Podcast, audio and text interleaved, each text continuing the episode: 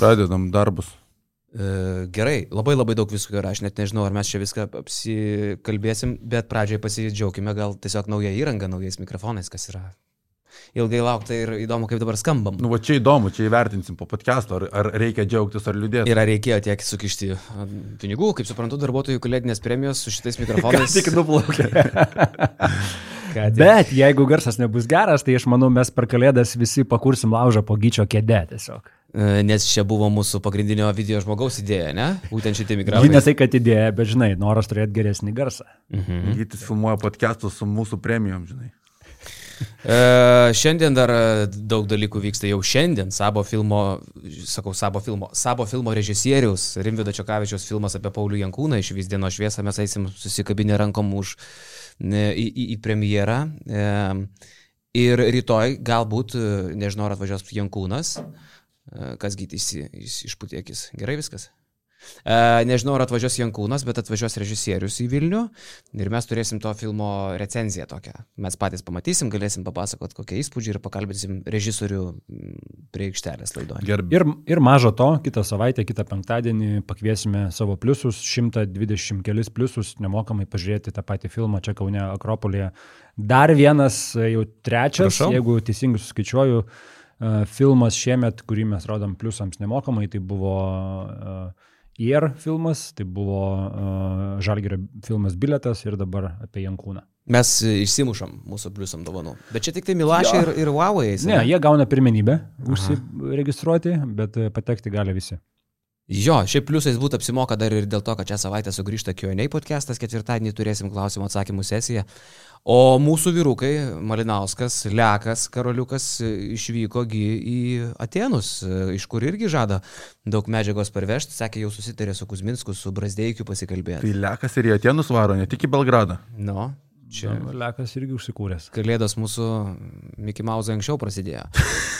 E, ir Marius Grigonis sakė, dar yra kandidatų pakalbint sąraše, galbūt ir jį pavyks prigriepti. Nors mhm. kažkaip Grigonis nelabai Grigonis žinojo. paieškos, girdėjau, kad miesto lygoje yra toks Esmeraldas, kuris bando nuskristi, nes pažadės buvo prizą nuvaryti pas Grigonį į Atenus. Tai bando nuskristi antrus metus, bet Marius dar neatsirado. Esmeraldas Ležauskas. Taip. O jisai pažadėjo nesustaręs su Grigoniu. Tai čia, čia įprasta Esmeraldas, čia kaip kitai.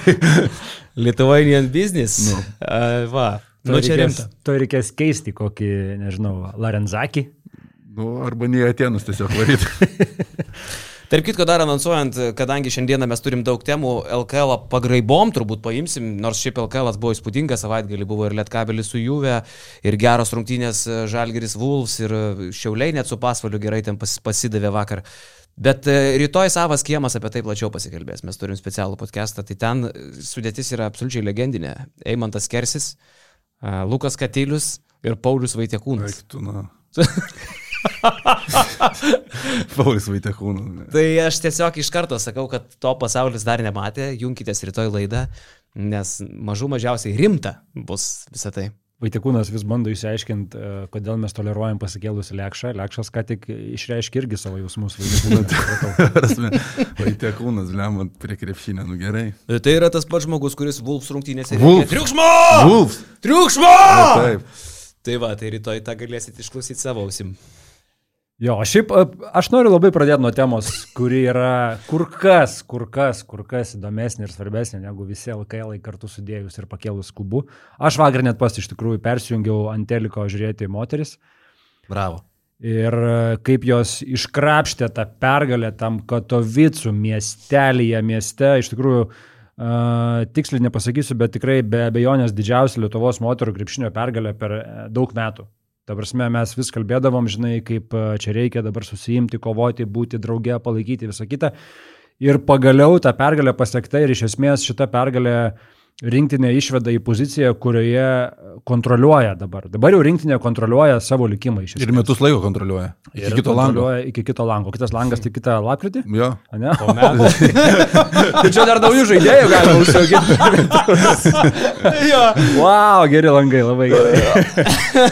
ok, tai čia. Man patinka žiūrėk. tavo toks nuoširdumas veidė, kai tu sužinai tokius dalykus apie FIBA sistemą. FIBA Tarsi, sistema tarsi tikrai kažką radai po agliais, spūdingo. Barzdasko Jo, ten jo, nauja. jo. Tai va, tai iš tikrųjų, o jo, tada turim laiko. Turim laiko. Galim net naturalizuoti kažką, kaip Lenkijas padarė. Taip, galim paleisti komandą, daug ką galim per metus. Trenerių pakeisti. Oi, čia, nu, klausyk. Bet trenerio keisti nereikia. Man labai patiko Grygo minutės per traukėlę, paskutinę per pratesimą, aš dabar įsijungiu dar pasižiūrėti. Uh, mergaitės, nepameskim kamuliuko, nepameskim, branginkim kamuliuko, jokių blogų užtvarų. Dalyti, daliuk, Daliuk, nu va čia yra bendra. Prieina, prieina prie kultūra, taip.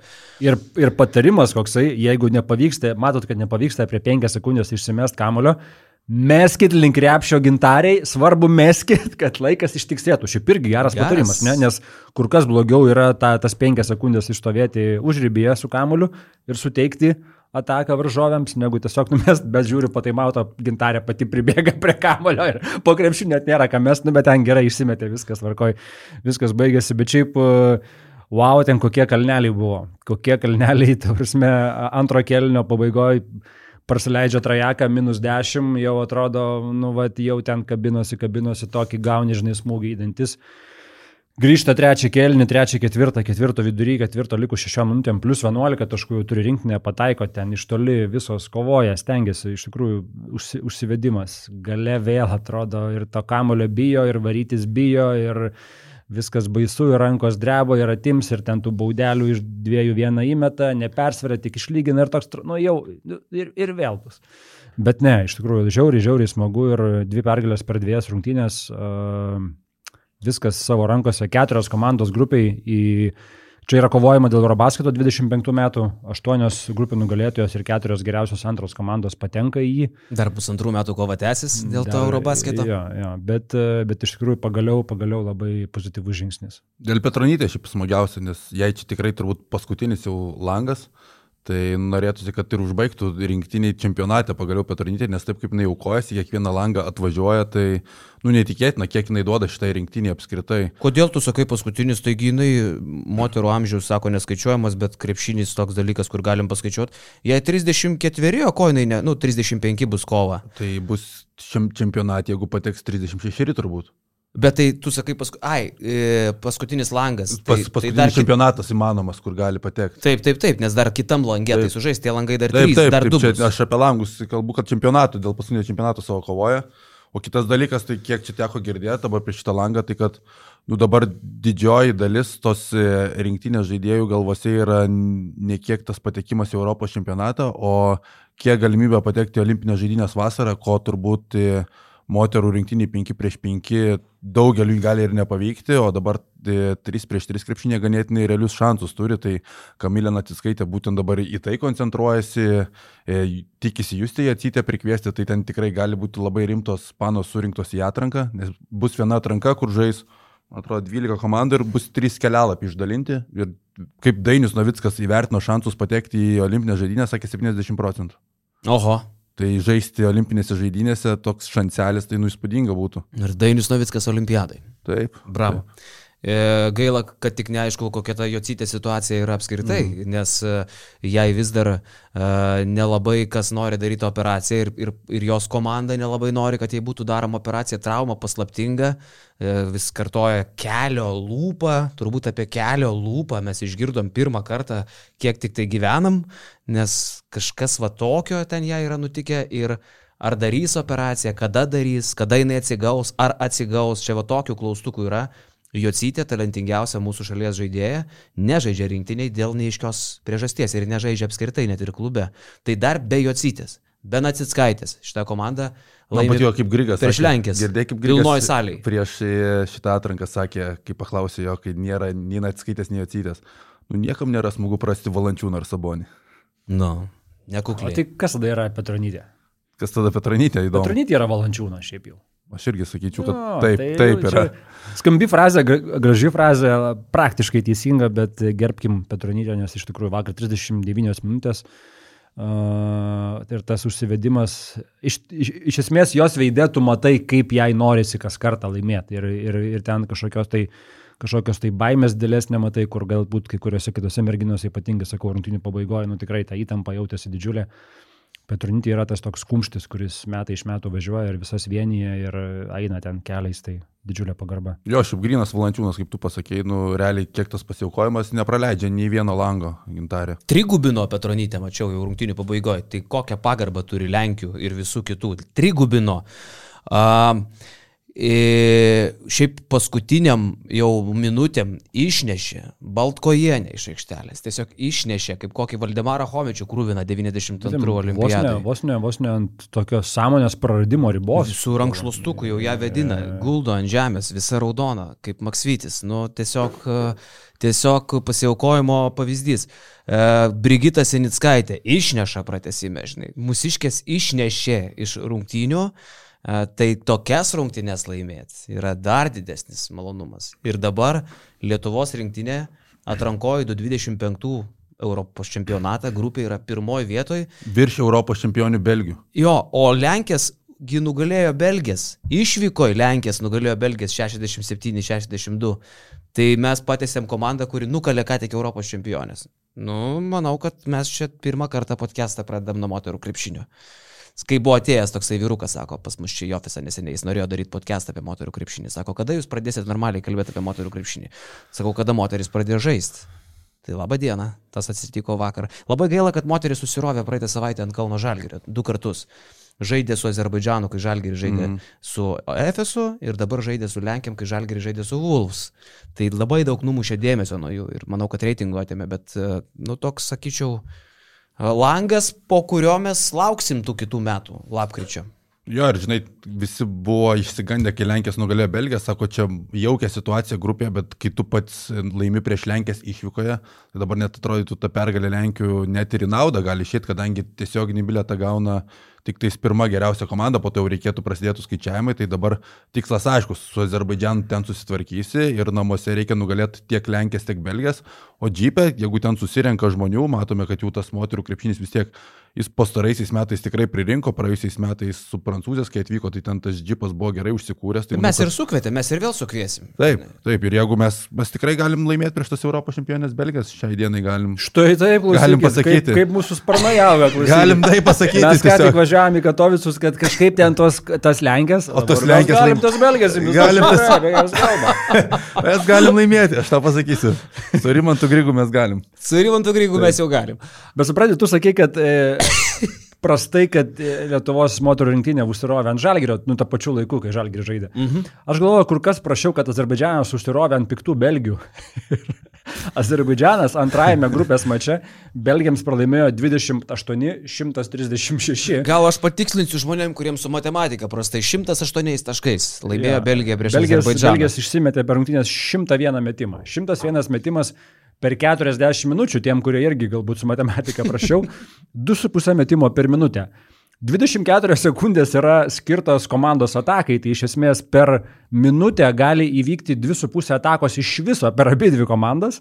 Tai kaip 2,5 metimo galėjo išsimesti viena komanda per 40 minučių, įdomus atvejis. Azerbaidžanas net nepatenka į FIBA moterų pasaulio reitingą, jų net nėra reitingė, 140 komandų ten tam reitingė yra, Lenkijas 44, kurias vakar nugalėjom, Lietuva 46, Latvija beje 29 vietoje, tie braliukai mane pradėjo daėsti jau, nes ir vyrų krepšinį Latvija. Jie per nagli. Jau Apie ką mes kalbam? Trijulio olimpinio. Ta mazurą nafiko nu. greičiau iš, išmesti. Ne, ne, ne. Čia... Štelmas atsikratėm. Jo, štelmas. Reikia su kitas sustabdyti. Tuoj aš pabaigsim tą darbą pradėtą. jo. O Azerbaidžano net nėra reitingė, bet žinai, Jonai, kita vertus, o kaip mes dažnai juokiamės iš vaikų. Tik tai mes ir galim sauliaisti tokį, tokį dugną pasiekti, kokį mes pasiekėm šitoje laidoje. Azerbaidžano rinktinė 16 metės, 15 metės laksto. Ten tiesiog bėgioja mergaitės, e, ten yra vaikai, ten yra dešimtokės toj komandai, tai apie ką mes šnekam. 35 kartus suklydų beje, tai irgi įdomus skaičius. jo, ir iš tikrųjų, e, juokas juokais, bet po pirmųjų rinkinės rungtynių su Azerbaidžianu uh, mūsų rinktinė, nu tikrai nesijauta gerai, nes laimėta buvo per mažai. 40 taškų, nu, bet, tragedija. Bet per mažai, nu iš tikrųjų, žinai, ir uh, Vat Malinauskas irgi pasakojo, kad, nu, krepšininkės, nu jos nesijauta gerai po tų rungtynių, nes tu nežaidai taip gerai, kaip tu galėjai sužaisti prieš mergaitės, kaip tu pasakėjai, ir vis, visi žinojo, kad žaidžiama yra prieš mergaičių komandą, kuri dar ką tik žaidė jaunučių C divizione, ne? Tai reikia suprasti irgi, su kokio lygio komanda čia buvo žaidžiama. Bet, nu, bet Azerbaidžianė labai greit bręsta, žinok, e, ir vyrai, ir moteris. Aš manau, kad jau kitais metais į Vilnių atvažiuos visiškai jau moteris pilnai. Nebevažiuosim. Azerbaidžaną. Mes važiuosim į Azerbaidžaną. Ai, nu jo, jo, kai, kai mes žaisim Baku, jau ten bus visiškai, net net pažinsi. Taip sakai. Jeigu taip sakai. Jo, super. A, jeigu jau šnekam apie tai, kas ten atėmė kokį dėmesį iš, iš, iš moterų krepšinio, tai galėsim perėti prie vyrų krepšinio. Bet perinant prie vyrų krepšinio ir galbūt prie žalgerio, galim pakalbėti ir apie žalgerio rėmėją. Tai yra NordVPN, tai yra Toma Okmana. Vos nepasakiau, ką jų Okmaną vėl. E, ir NordVPN vėl sugrįžta su visais rėmimais į mūsų podcastą ir primena apie save, kad jeigu jūs savo kompiuteryje, telefone neturit NordVPN, tai esat iš tikrųjų atsilikę kokią 20 metų, aš galvoju. Nuo to reikėtų pradėti. Pakalbėkime apie bėdas. Pakalbėkime apie bėdas. Taip. E, ką šiaip tau, Jonai, duoda NordVPN, kurį tu be abejo naudoji? Aš jį net nešioju ant savo krūtinės. Aš jį, aš jį, Marškinėlius duoda. Šiaip labai faina maikė. Mažų mažiausiai duoda maikė. Tai, duoda maikė. Duoda galimybę iš tikrųjų iš skirtingos šalies prisijungti ir pamatyti tą patį turinį, prie kurio esi įpratęs Lietuvoje, jeigu tas turinys yra blokuojamas Lietuvoje. Ir mūsų irgi pliusų Discordo čia mačiau ir Hebra rekomenduoja vieni kitiem, jeigu ten to paties LKL ar kažko nepasiekė, būdamas Italijoje ar Ispanijoje ar kažkur, prisijungęs per VPN. Ir būtent NordVPN jau čia irgi yra patikrinta ir mūsų kolegų, ypatingai Juliaus, kuris dabar bastosi po kitą pasaulio galą kad jeigu kitus VPNus išgaudo tie transliuotojai, tai NordVPN suskaldo visus jų išgaudimo būdus, visus kodus ir leidžia žiūrėti tą patį turinį, prie kurio tu esi įpratęs Lietuvoje. Tai iš tikrųjų paslauga, kurią tu gali mėgautis tuo savo turiniu bet, kurio, bet kurioje pasaulio šalyje, o nuėjęs į nordvpn.com pasviras brūkšnys basket news, gausite ne tik tai dviejų mėnesių nuolaidą dviejų metų planui, gausite ne tik tai uh, ypatingai mažą kainą, ten nu, centai, euriukai per mėnesį, bet ir iš esmės, jeigu pasinaudojate produktų ar paslaugą iki mėnesio laiko ir matot, kad, nu, gal aš neišvažiavau per tą mėnesį į Italiją, gal aš, gal aš nelabai įsijungiau, gal aš nesisaugojau, nereikia man saugotis tuose viešuose Wi-Fi tinkluose, tiesiog nepatiko ar panašiai, per mėnesį galite tos pinigus atgauti. Ir appsas naujas, patogus, appsas, net analfabetai supras, kaip jį naudoti. Gražus, taip, tu pamatai Europos žemėlapį, vat, kaip sakai, galbūt kažkas pamatys, kaip atrodo Europos žemėlapis galų gale. Taip, ir gali pažymėti bet kurią vietą, kur neva sėdi, pakeiti savo geolokaciją. Ne tik ir... Europos, ir pasaulio tu gali pasaulio visą, jo, jo, teisingai. Jo, tai saugu, išmanu, pigu Ir apsimoka, e, perkant visokius tai e, premium planus YouTube e, ar NBA lik PES kodus ar lėktuvo bilietus, kiti sako, tu gali ir išlošti pinigų. Negali, o ir išloši, mes jau tą esame apkalbėję ne vieną kartą. Ir aš pakuklinau, ne du mėnesiai nemokami prie dviejų metų plano, o keturi mėnesiai Ajo. nemokami prie dviejų metų plano. Tai Fantastika. Tai dar geriau. Nežinau, nežinau. Jo, ir visiška esmė jau nuėjus į NordVPN, Žalgiris turėjo va, praeitą savaitę nulinę pergalėmis pralaimėjimas mhm. ir Eurolygoje pralaimėjimas ir LKL. E. Ir Gediminas Žemelis tampa naująją šių laikų vangą. Iš tiesų. Tai yra visiška vanga, kol kas. Jos spėjimas, priminsiu, jis parašė Facebook'e, e, prognozę, tai buvo prieš kiek čia, prieš e, kokias tris savaitės, kad e, nugalės Vulfsai C9, e, jeigu gerai pamenu, 12 taškų, laimėjo Vulfsai prieš C9 8. Jisai sakė, kad nugalės galbūt po pratesimo Utenos Juventus 3 taškais, Vulfs laimėjo 6 taškais. Jisai sakė, kad nugalės Žalgirį 8 taškais, po Kariniausko 3 taškio Vulfs laimėjo 11 taškų. Tai noriu pasakyti, kad Žemelis uh, savo tose prognozėse apsiriko visose trijose rungtynėse tik tai 3-4 taškais. Aš galvoju, sakysi, Vaidai galvo, ką darai kitą kartą, bet iš tikrųjų kito aikštelės pusėje Rolandas Šmitas irgi trajeką paleido ir jisai galėjo tuos aštuonis atstatyti. Jūs įsivaizduojat, kas būtų buvę, jeigu aštuoniais taškais. Nu, koeficientas 2,2 sakė buvo. Ja, bet, e, žinai, kažkaip kaip, kaip žmonės neadekvačiai uh, perheitina, taip ir dabar neadekvačiai pervertina šitos uh, gebėjimus nuspėti šitą. Čia žinai, kai buvo aštunkojas, man atrodo, per pasaulio čempą, 20 gal, kai e, prieš kiekvienas rungtynės ten spėliodavo, kas jisai eina paimti maisto davinį arba į vieną, arba į kitą pusę, prie kuris ten, man atrodo, iki pat finalo viską atspėjo teisingai, tai čia dabar žemelis, naujasis aštunkojus. Jo. Ir įdomu šiaip, kad tai prognozavo pralaimėjimo rytui, tai dabar e, tam, tu žinai, tu kaip kaip klubas, kaip treneris, kaip žaidėjas, tu tokioj dilemoje turbūt esi. tu ar, tu, ar tu eini kovoti iš visų jėgų, ar tu eini įtikti savininkui, žinai. Sakė, Kemzūras nedomina jo tos prognozijas ir taip toliau. Tai... Ne, dabar jiems e, e, bus labai sunku kažką padaryti, nes jie neteko, panašu, kad e, visai netrumpai gali būti, neteko Suleimono. Labai patinka man šitas žmogus, aš jį šią savaitę mėgaudavausi, mėgavausi žiūrėdamas rungtynėse su e, pro, pro, pro, pro, Slabožanskės prometėjai, Probožanskės norėjau sakyti. Uh, pir, pirm... Prebedencio, ten to prebedencio. Jo. Kaip ten rašė jisai. Kaip? Pre... Be pre... Ne, kaip jis. Pre bedens... Nu, kur norėjau prašyti be precedenčio, o rašė be precedenčio. Jo. Bet šiaip tai pirmoji pusė Suleimonas atrodė kaip koks Frederikas Hausas. Man toks buvo priminimas, man jis net vizualiai kartais primena Frederiką Hausą savo žaidimo stiliuku. Mm. E, jisai sumetė pusę taškų prieš Prometėjų. E, pirmoji pusė. Tai atrodė fantastiškai, bet man net labiau už jo tos kosminius trajekėlius, už tą užsivedimą patinka, kaip, kaip žmogus atrodo myli krepšinį, kaip jam patinka tai, ką jis daro. Žinai, būna, e, žiūri kokį nors krepšininką ir tu tarsi matai depresiją jo veiksmuose. Tokį liūdėsi, tokį kažkokį pasinerimą į save, į apmąstymus kažkokius atrodo, kad kartais, nu, lietai viską daro, be meilės. Žiūri į Suleimoną ir atrodo, kad bičias tiesiog skraido kiekviename epizode. Ir vakar prisiskraidė. Vakar jisai panašu, kad stipriai timtelėjo raiščius, dabar tik tai klausimas čiurnos raiščius. Čiurno. Ar jūs jų nebus nusitraukęs? E, trečiadienį vis dėlto bus padaryti MRT, šiandien klausiau pociaus e, atstovas spaudai Vulsų, tai kadangi dabar patinimas didelis, tai yra tik tai viltis, kad tai yra patempimas arba stiprus patempimas, bet kad nebūtų kažkas įtraukta, nutraukta ar, ar panašiai, nes nu, bičias aфиgenoj formai. Ir galima dabar tik tai įsivaizduoti, kaip jie atrodytų su tokiu Suleimonu, su tokiu Turmanu, su e, tokiu, e, su sugrįžtančiu e, Tayloru, kuris turi grįžti iš tikrųjų dienų klausimas, kada, gal kitą savaitę, savaitę, gal kitą savaitę. Tai va, plus dar jie pasirašys į žaidėją. Mega klasės. Mega klasės. E, plus turbūt, kad Gagičius, jeigu jis nebus pakeistas, tai gerės forma, blogėti jau negali, nes... Galvoju, sakysi, pats šiais. Nes dabar tu matai, kad jisai po dviejų minučių tiesiog kaip man tėvas sakydavo, pirty sėdi tol, kol nukris ten 10 ar 15 lašų. Tai pasi po dviejų minučių jau ten žliaugia nuo nosies, kapsi tiesiog.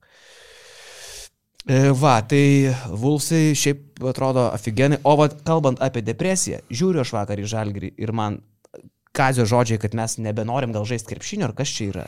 Tai, bet man atrodo, kad tai, va taip ir atrodo tos rungtynės. Kažkokia kaip, tai depresija. Tu gali nenorėti lapkričio 12 žaisti krepšinio, tu man paaiškini. Bet Lekšas buvo gerų žodžius pasakęs visai neseniai apie Žalgirį. Atrodo, kad jie jau pavargo. Jau viens nuo kito pavargo. Realiai. Va taip atrodo. Taip atrodo. Tas... Žiūrint sekmanį rungtynės. Bet, bet yra vis tiek keista, kai treneris pasako, gal jiems nusibodo žaisti krepšinį, bet tu gauni skudurus Eurolygoje, tai tu gauni gerą, gerą mačą Lietuvoje, tu bent jau gali čia norėti atsistatyti, tai man yra keista, kaip tu tada neįeini tą žaidėjų psichologiją, čia kažkiek yra tada ir tas, ir trenerių štabo irgi darbas kažkiek įvesti tuos žaidėjus, jie negali būti nenusiteikę rungtynėms prieš top 3 komanda Lietuvoje, kuri dabar vat, yra trivaldystė. Rytas, Wolfs ir Žalgeris visi turi po vieną pralaimėjimą LKL. Tai man yra keista ir čia, žinai, praeitą savaitę Kazis nesutiko, kad komanda yra duobelėje, čia, žinai, ginčiamas dėl savokų, žinai, gali sakyti nedobelėje, bet tada kaip jie dabar šiai dienai atrodo, aš nesakyčiau, kad jie nebuvo ten kažko labai nenusteikę, man atrodo, tai yra daugiau atspindys, kokioje būsenoje yra šita komanda šiuo metu ir koks jos yra tikras lygis, nes e, pačios rungtynės ir Stambulė, galbūt prie jų vėliau prieisime, bet irgi tu sakai pozityvas, kad čia sugrįžta iš minus 18, bet pats Kinas Evansas sako, koks čia gali būti pozityvas. Anadol FS žaidė labai prastai, nieko naujo nepadarė, kaip jie pradėjo sezono startą, taip ir atrodė. Žalgerio palimas yra super nuspėjamas, vienas Kinas Evansas, jeigu jis nežaidžia, matome tas atkarpas antra, antram kelny, kada Žalgeris sugriūna, ketvirtam kelny Kinas Evansas sugražina tą patį Žalgerį, bet kita Žalgerio opcija palime yra Edgaro Ulanovo centravimas ir visa kūryba eina iš to. Tai, nu, tai nėra laiminčios komandos žaidimas, kada tavo antra geriausia opcija kurti žaidimą yra žaidžiant nugarą į krepšį. Tai daug pasako, kad nu, tavo perimetro linija apskritai Mitrolongas su Luku Lekavičiumi 10 minučių tau sužaidžia, kitas žaidėjas yra Tomas Dimša, tai visą laimę, kad Tomas Dimša žaidžia aukščiausių lygių šiuo metu ir Žalgerio bėdos dar netaip išriškėja, bet tų bėdų yra labai daug. Bet Dimša dabar traumelę gavęs, tai Taip. klausimas, ka, kaip jis čia žais. Tai va dabar va ir pasimatėm, išėmė Tomą Dimšą, Kinas Evansas nestu žaidžia ir okei, okay, fiziška gera komanda Vulfs, bet jie prarado savo lyderį trečiam kilny, kuomet dar jie atsilikinėjo. Sulaimonas savo lygių ir savo žaidimo nauda komandai realiai yra toks pat Kinas Evansas Vulfs. Tai ir tu vis tiek pralaimė, nu, nu, sakau, problemų yra ir čia nereikia sakyti, kad tu nusitikė, nenusitikė, tiesiog tavo komanda šiuo metu nežaidžia gerai. Bet be Suleimono, kai liko Vulsai, jie tada padarė atkarpą, aš nežinau, ten 10-2, 10-0, nu, jie iš karto šovė į priekį.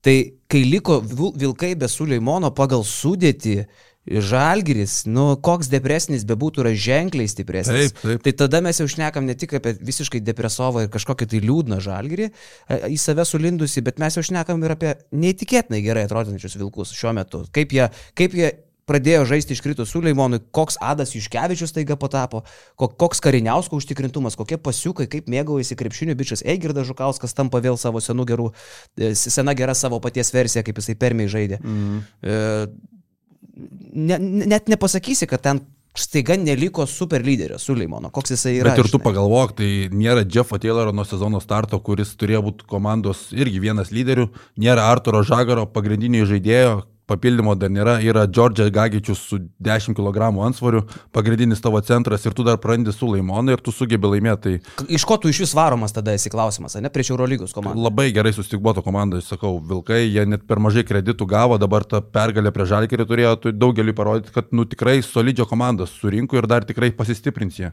Septinta išėlės Vilkų pergalė, e, visos šitos pergalės po Žagaro traumos. Paskutinis pralaimėjimas buvo panevežį pratesime, kai prarado Žagarą, po to septynios pailių į pergalės. Tai čia kažkoks irgi kosmosas, kai tu prarandi vieną ryškiausių savo žaidėjų ir ne tik tai, kad nesugriūni, bet ir užsikūri tokiai įspūdingai atkarpai. Dėl žalgerio depresija, tai aš dar pridėčiau tą patį Luką Lekavičių, turbūt vardinant priežastis, man atrodo, kad jisai po tų visų kalbų dar labiau sulindęs į save, dar kažkaip nikiau ir niuriau atrodo žiūriu aš į tą karštlygišką Mitrų Longo norą būti lyderiu, okei, okay, ten du su bauda pelnė rungtinių gale, kada jau praktiškai įsigelbė, nebebuvo šansų. Bet šiaip man visą tai, ką jis daro, atrodo tokia desperacija, kad va, trūks plyš, noriu va, kažką tai padaryti. Geriausia buvo, kad... Bet nelabai galiu. Atsivarė, niekam perdimo nedavė verpsti ir metą feidavė atsilošęs penktą tako sekundę. Nu tai ar čia žaidėjas yra?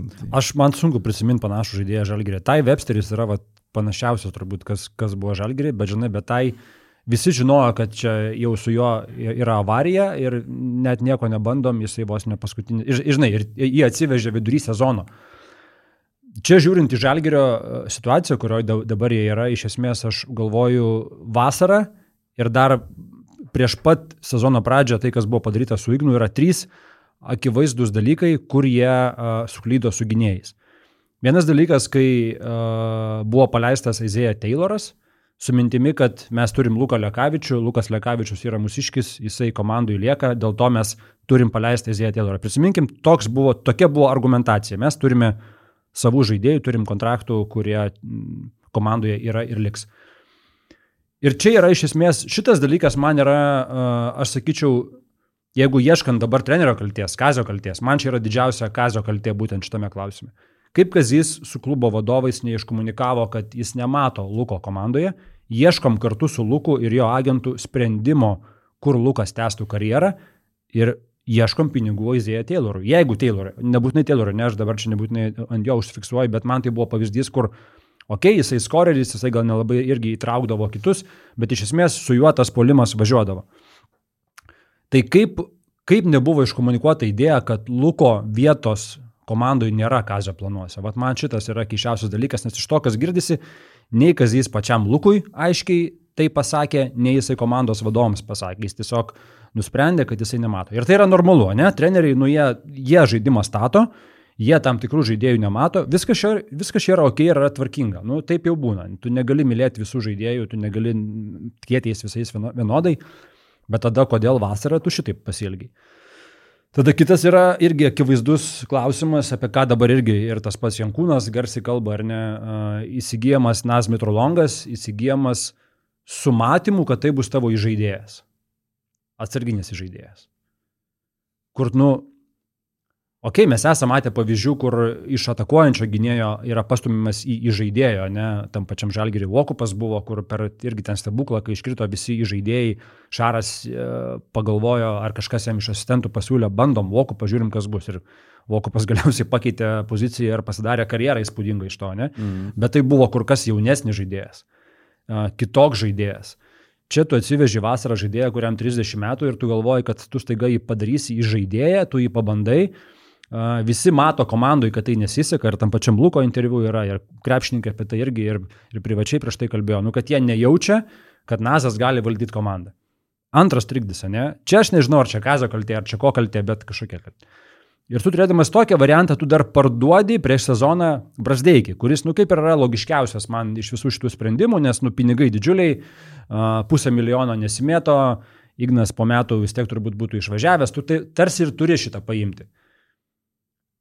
Bet tada tai suformuoja dar didesnę sniego gniuštę. Ta sniego gniuštė jau jinai formavosi, ne?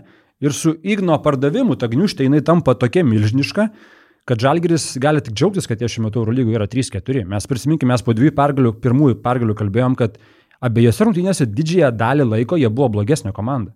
Jie abiejas pirmas turėjo pralaimėti, jie dabar turėjo būti vienas šeši, jeigu mes logiškai žiūrėtume. Tik Baskonijoje tai buvo dominuojanti komanda. Ir tai yra trys, trys didžiuliai prašovimai su gynėjais. Ir kai atėjo pušas prieš rungtynės, kad dimšos nėra, nes mes tik du gynėjus dabar turim, dimšą ir evansą. Du gynėjai iš esmės komandai, kurie šitam lygiai gali žaisti. Kai atėjo pušas su dimša, Aš pasigilėjau, kad aš e, nepasivadovau vat, žemelio nurodymų ir nepastačiau už vilkus, nes man čia buvo iškart ragas. Ir dar kai Evansas išėjo atsišniuravęs, nežinau, koks, koks jis išėjo, bet jisai išėjo, nu, tai nesąmonės darė aukštam lygiui. Visas žalgeris išniuravęs atėjo į aikštelę. Ir, ir, ir tas vaizdas, kuris tenais buvo, aš sakau, viskas, ta prasme, komanda neturi kūrinčių gynėjų, Evansas išeina toksai, pff, Be, su, su, subliuškęs balionas labai stipriai. Beje, Evansas LKL toks dabar visada išeina. Aš nežinau, kodėl taip yra, ar jam ten ta lyga neįdomi, jis tiesiog neužsikūrė. Čia jo ir skaičiai visi prasti ir atrodo, kad tiesiog kitas žaidėjas. Koks jisai su Stambulo Anadolo FS buvo ketvirtam kelny ir koks jis prastas buvo, tarkim, prieš Vilkus, tiek prastas, kad net Longas jau įmasi iniciatyvos, o ne Evansas ketvirto kelnio pabaigoje, žinai. Kalbant apie Brasdeikio pardavimą, man nežinau, ar didesnė bėda yra pardavimas, aš dėl pardavimo sutinku su tavimi ir esu nekartą sakęs, aš manau, kad tai sprendimas neblogas, turint omeny visus, visus dalykus sudėjus, kad tai pirmiausia finansiškai didelė pergalė. Bet aš nemaniau, kad Žalgeris neturi jokio plano B. Nu, kai tu parduodi, tu atrodytų, nu, nieks turbūt nesitikėjo, kad mes septynis turus neturėsim krepšininko. Dabar panašu, kad neturėsim ir aštuonis, ir devynis turus. Kitaip sakant, Žalgeris pasiruošęs turbūt ir visą pirmą ratą sužaisti be jokio pakaitalo Ignui Brazdeikiui. Ir žiūrint dabar, kiek mums vat, pritrūksta nedaug iki pergalių, kiek nedaug Eurolygui pritrūksta, tai darosi ir peršas tokia išvada, kad tas nedaug ir yra pakaitalas Brazdeikiui. Arba pats Brazdeikis, jeigu jisai būtų. Turiuomenį, e, galbūt tik tai tiek ir te reikėjo iki pergalių prieš Asvelį arba Nadolų FS. Tai, tai tai jau yra didelė bėda, kad mes tiesiog neturim žmogaus vietoj Brasdeikio. Nėra, jo taip ir neatsirado čia. Jo, labai sudėtinga supras, kaip tu neturi plano B, ten dėl Brasdeikio pardavimo viskas ok, dideli pinigai, plus nėra prasmės laikyti žaidėjo. uh, nemotivuoto, galbūt jeigu jis jau gavęs pasiūlymą iš Olimpijakos, klausimas, kokia jo. yra žaidėjo psichologija, jeigu tu jo neišleisi, žinai, tai viskas čia sto ok, bet kad tu neturi pakaitalo, matydama situaciją, kokia yra dabar šiai dienai, tu sakai, mes norim suteikti šansą turimiems žaidėjams, bet tu pasižiūri, ką mes turim šitoje situacijoje. Tai Evansas Dimša ir tada mes turime Davidą Gedraitį, kuris kartais tau gali šat, kai buvo Ispanijoje, bet realiai mes pamatom, kad žaidžiam 4 prieš 5 polime, Stambulė mes tą matėme. Dovis su visa pagarba 12-13 kilti žaidėjas, tu negali iš jo reikalauti daugiau. Jis kol kas neįrodė, kad jis gali duoti daugiau. Tada turim Mitrulongą, kuris visiškai nefunkcionuoja. Nu ir mūsų viskas. Ir Lukas Lekaičius, kuris netinka treneriui. Bet ir tai Luko ta situacija, aš sakyčiau, yra kažkiek ir pereikšminta. Realiai, nu, Lukas Lekaičius yra žaidėjas, jo ūgis netinka tokiai gynybai, kokie žaidžia Žalgeris. Ir Lekaičius Pantnaikos žaidžia po 10 minučių prie Niko Kalatės, o Žalgeris toje šitoje pozicijoje turi Kiną Evansą. Tai normalu, kad tu gausi tas 10 minučių ir tu nelabai kažko daugiau gali tikėtis, ypatingai, kai dar tu ir netinka. Tai čia kaip ir sakau, buvo keiščiausia, kad Žalgeris jau prie Kazio Maksvyčio prasitėsi tą sutartį iki 2025 metų su Luku Lekavičiumi. Čia yra toks savęs apgaudinėjimas, kad staiga treneriui kažkas pasikeis ir treneris pradės matyti Luką Lekavičių kitame vaidmenyje. Tai tas Tayloro paleidimas arba nu, neįsiskirimas tiesiog su Luku Lekavičiu man yra čia didžiausia Žalgerio tarp sezono klaida. Žalgiris, Žalgirio antras penketas Eurolygui šiemet yra tas, kur pernai, kai mes žiūrėdavom į tą antrą penketą, mes sakydavom, kas čia laksto. Čia laksto čempionų lygos Eurocapo penketą su visa pagarba, bet jie išėję keisdavo rungtynės, kas, kas būdavo dar labiau neįtikėtina, kad išėjęs tas penketas ne tik tai, kad negriūdavo, bet ir keisdavo rungtynės. Šiemet antro penketo išėjimas Žalgiriui tai yra kančia. Yra maksimali kančia, kada jie išėję, taip viską sugadina, kad paskui sugrįžę startą penketo žaidėjai turi vėl kuopti tai, kas buvo pridaryta. Antro penketo žaidėjų, Žalgirio žaidėjų plus minus po septynių rungtynių Eurolygoje. Arnas Butkevičius blogiausias skaičius minus 9. Nazas minus 6,9. Šitie du žaidėjai. Iš esmės aš nežinau, kiek Arnui tą skaičių gadina Nazas, nes jam tenka žaisti su Nazu daug vienam penkete, bet e, galimai tai yra. Bet Arnas irgi nedovanėlė, čia Arnas, nereikia jo Arnas, pridenginėti. Arnas žinok. irgi tikrai kol kas atrodo prastai. Ta prasme, apie tą irgi reikia šnekėti, e, kur kas kiti žaidėjai gauna kur kas daugiau strėlių, ar ne, kapitonas Ulanovas kiekvienam postą, nuvažiavęs, nusifotkinę su burgeriais ir ten yra iškeikiamas, žinai. Paliekamas virtuviai burgerius darys. Jo, bet tai Arnas minus 9, Nazas minus 6,9, Biras minus 3,3, Menek minus 2,9. Keturi žaidėjai antro penketo su didžiuliais minusais. Čia kažkodėl nėra Lekavičiaus, irgi vat, kažką, kažką tai rodo, nežinau, ar tai rodo ar ne, bet iš esmės Arno ir Nazo skaičiai, nu jie yra žiauriai blogi. Žiauriai blogi. Ir tai, ir tai yra, sakau, ne tik tai skaičiai, bet yra tas vaizdas, ką tu matai aikšteliai. Pernai antras penketas buvo, kuris patemdavo. Šiemet antras penketas ne tai, kad nepatempia, jis realiai yra akmuo už kojos pririštas, kuris nutempia tą komandą į dugną ir paskui grįžę starteriai vėl turi tvarkyti viską iš naujo. Uh, Ule gauna dafiga, heito man dabar tik tai kyla klausimas, žinai, ar mes sulauksim jo tokio, kaip jisai žaidė praeitais metais po naujų uh, metų, kai pradėjo temti žalgyrį į priekį ir čia yra jo vis dar ta kančia, apie kurią ir Šaras yra kalbėjęs uh, iki sausio mėnesio. Bet Ule pernai gerai labai pradėjo sezoną. Uh, galbūt, bet dabar jis irgi gerai pradėjo sezoną. Dabar. Bet, bet tai, labai. tai, kas dabar buvo, tarkim, su Efesu, nu, tai mes matėm turbūt, va, jeigu šnekam, kad žalgyrys atsišniuravęs sekmadienį. Uh, Ule su Efesu ketvirtadienį buvo absoliučiai išėjęs kažkur pasivaikščioti. Lygiai taip pat. Uh, man kažkaip įstrigęs tas jo pasiukas jautą. Tiesiog. Atsimeni? Mhm. Prieš Efesą. Nu, va toksai. Tie metimai atrodo, kad pats savim pradeda abejoti, nors šiaip jisai turbūt turi dvi savo versijas, Ulanovas. Ta, kuri yra visiškai depresova, kokią mes matėm praeitą sezoną, irgi buvo, arba už praeitą, dabar bijau maišyti. Už praeitą, manau. Jo, kur ten daužė e, grindis, atsisėdęs ant žemės ir atrodė, kad viskas, šitam žmogui reikia baigti karjerą. Arba turite tokią top visiškai maksimaliai jau viršijant bet kokias, tai atrodo, proto ribas savim pasitikėjimas, kur jau bet ką meta ir bet ką pataiko, kaip prieš Alba praeitą sezoną. Tai, mes, mes tai dabar jisai jau man labiau yra toje situacijoje, kur atrodo, kad e, depresija vėl kažkokia tai. Vėl, kur jau meta ten tą, kur sakėm, iš pokrepšio, ar iš čia baudą provokuoja, ar iš čia meta į kažę, kur tiesiog atkovojo kamuolį ir nepataikė iš praktiškai baudos aikštelės. Tai va tokie jo metimai ir tokių dabar yra ne vienas, man rodo vėl apie jo kritusi pasitikėjimą savim trūksta ūlį užtikrintumo ir tu pernai mus šiek tiek, žinai, tas užsiliuliavom, kad Ulanovas pradeda mesti stebekus, Ulanovas žaidžia pick and rollus ir mums tai yra normalu. Yra normalu, kol pataiko tos metimus, bet tie pataikyti metimai, nu žinom, kad nu, turbūt nebus taip visada ir šį sezoną matome, kad Ulanovas nebepataiko ir automatiškai pasimato, kad tas vaizdas krenta į apačią. Šiemet tritaškai per abu čempionatus 7 iš 26, tragiškas procentas 26, gal čia kažkas tokio. Tai, Tai nu, Ulanovo tie metimai nekrenta, bet irgi tu gali, sakau, net ir su depresuotu Ulanovu, Ulanovas yra antras tavo pasirinkimas polime, kuriant žaidimą. Nu tai nėra gerai. Tai reiškia, nu tikrai trūksta žmogaus, trūksta funkcionalumo, kad tas polimas kažkaip, nes viskas yra žiauriai nuspėjama. Tu prieš Anadolą FS, kuri turėjo, man atrodo, praščiausią ir 17 gynybos reitingą per du kėlinius, kiek ten sumetė, 20 kelis taškus, ten, ten buvo visiška katastrofa žiūrėta žaidimą. Tai gerai, kad Kinas Evansas ketvirtam kėliniui įsitraukė, pradėjo tie metimai sukristi ir buvo gerai užatakuoti. Žalgeris sugrįžo, bet ir tai to neužteko. Kiek daug polimo Žalgerio dabar yra, kai įsiveržia kažkas su kamuoliu būdos aikštelė, pašoka į orą ir ieško, kam numest kamuolį. Ir tiesiog dažniausiai vyksta numetimai atgal antrajako kažkam ir žiūrim, kas, kas dabar bus. Žiaur, žiauriai didžiulis procentas būtent tokių atakų, kurios, nu tikrai aš nemanau, kad yra deriniai. Ir toks kažkoks tai tikrai sutrikimas, nepasitikėjimas, neužtikrintumas atsiradęs, kuris, kuris yra neįprastas šitai komandai, bet aš sakau, aš tai suveščiau viską į tai, kad tiesiog yra du gynėjai, vienas iš jų dimša, kad ir kaip jisai gerai spindi, tai nėra Eurolygos starto penketo žaidėjas.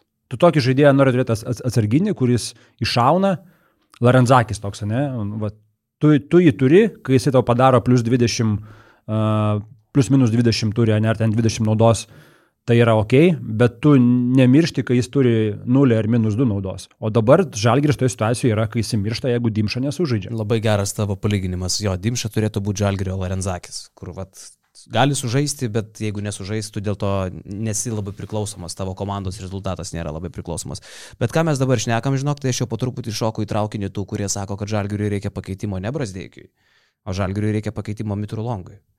Aš dabar jau į tą jau eičiau labiau irgi mašinėlę, nes kai Lekavičius atrodo, kad yra užsidaręs savyje dėl visų šitų dalykų šį sezoną, kai Mitru Longas, aš netikiu juo netrupučiu, aš, ne, aš net neįsivaizduoju, kokiam e, scenarijui jis galėtų pradėti žaisti krepšinį.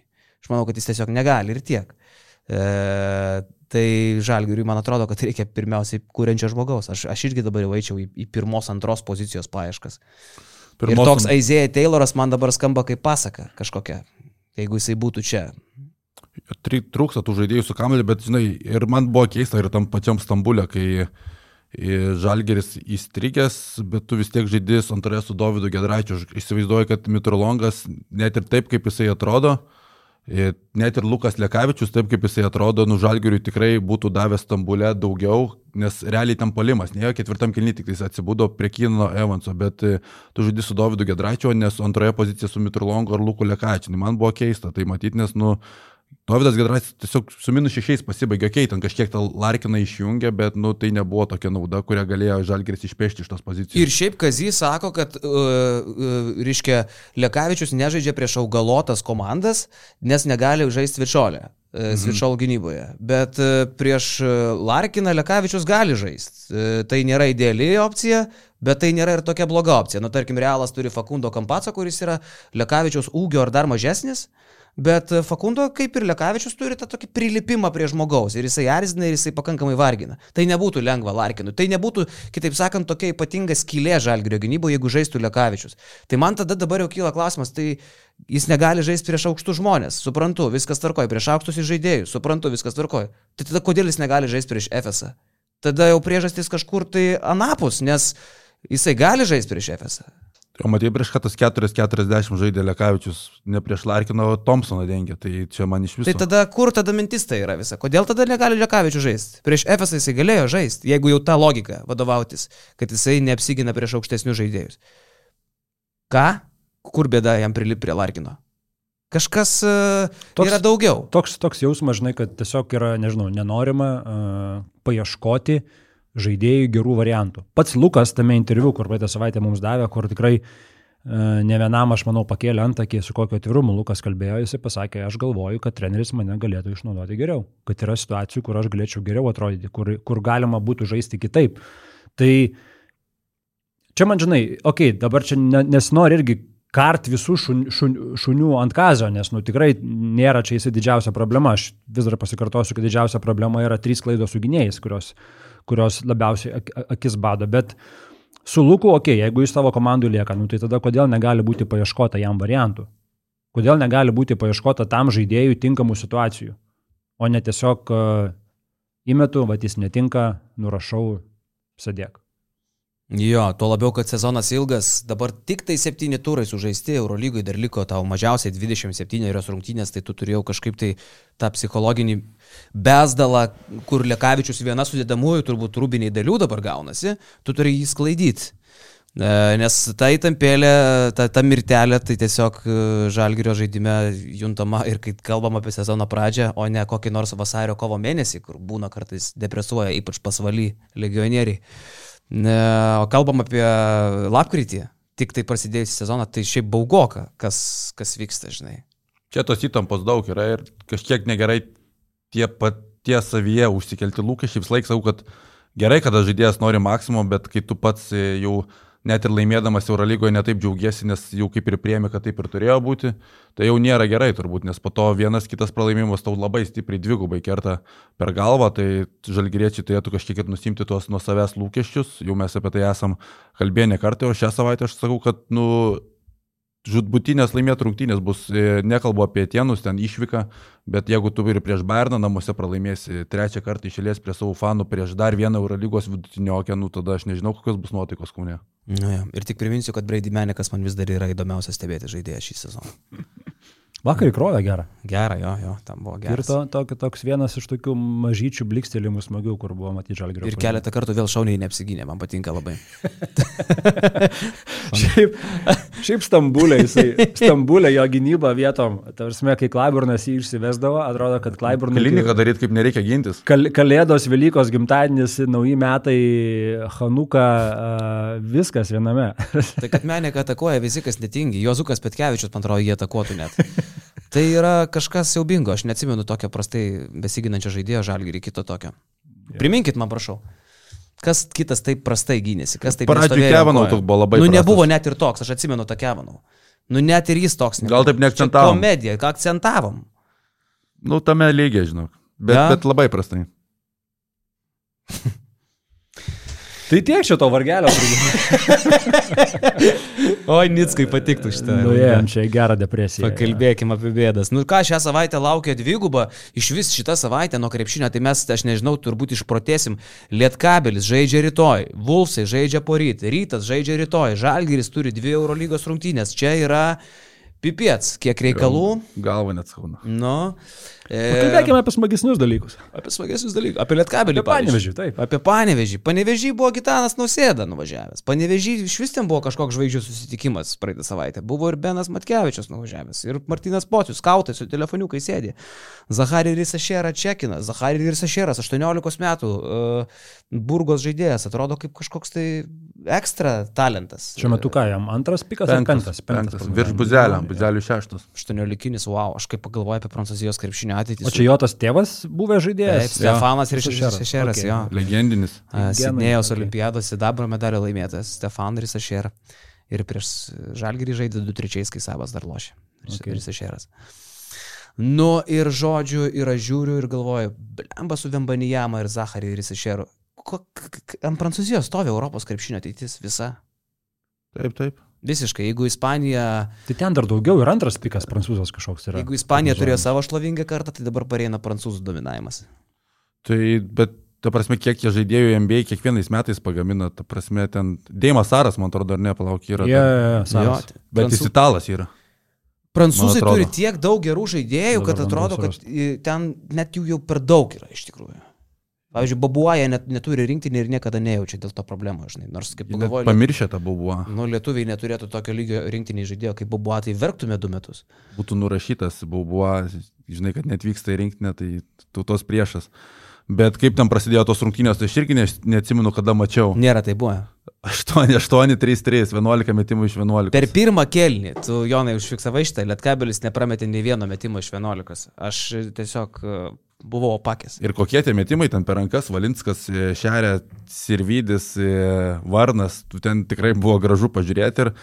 Ir, okei, okay, gynybos dar vis nėra, tos gynybos, kažkiek gynybos tas sistemas iškėja, bet polimu laimi Lietkabelis dabar, laimėjo ir savaitgalį prieš Juventus, irgi nėra lengva laimėti Utenoje šį sezoną, ypatingai jie gerai atrodo, bet man atrodo, čia labai geras pavyzdys, kiek daug lemia lemia dar europiniam krepšinį treneris, vis tiek atsiranda žaidėjų rolės, atsiranda aiškios rotacijos ir, nu tikrai prie Nenado Čanako tas lietkabelis stipriai pagyvėjęs yra. Aš sugrįšiu labai trumpai prie prancūzo, ne? kol dar nepabėgo ta tema visiškai.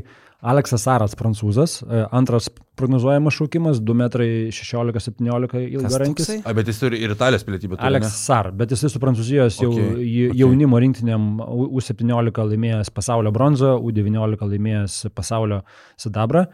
Ir Sašeras prognozuojamas penktas šaukimas ir dar Tidžianė Salaunas prognozuojamas 18 šaukimas. Eiktas savo. Trys šaukimai pirmam 20-ukė prognozuojami kitais metais Prancūzų. vien. O buzeliui šituose draftuose jau šeštas dabar šaukimas. Jo, jo. Taip. Uh, Tai apie Lietkabelį. O apie Lietkabelį, dar žinai, kas man labai fainai yra. Gediminas Orelikas. Visą laiką atrodo, jis, man atrodo, kad niekada nebuvo geros sportinės formos gyvenime. Visą laiką toks rutuliukas. Bet kaip jisai veržiasi, kaip jisai bėga į tą baudos aikštelę, jis ne tik trajekus metai, jis turi gerai, visai smagų, išlavintą prasiveržimą. Lėta tą savo tokį gerą ir tu visą laiką bijai, nežinai, ar jis tau mesi krepšį, ar jis tau atliks perdimą, nes krepšinio akių ten neįtikėtinas pasorėlis. Nu, man patinka labai. Ir Sirvidis, vis tik tai Sirvidis apsiprato ir kada jis pagauna ritmą Jisai turi tokią savybę, kai jisai pagauna ritmą, jis pradeda džiazuoti, jis tampa tikrų monstrų. Aš žiūrėjau su tas rungtynės uh, su, su Burga ir uh, jis, jisai ne tik tai meta Tai va, ta trajektorijos, būtent. ta bet dabar turi puikią verpstę. Ir aišku, ne dabar jis turi, jis visą laiką turi. Eurostepą turi. Eurostepas. Pavyzdžiui, jo pasai Popovičiui į plotą nuo parketo, ten tik tai dar, kaip sakyt, du prieš du sužaidus, dar žaidėjas atrodo užstoja, bet tai pasitikinčiai, ėjimas į kontaktą, į kūną.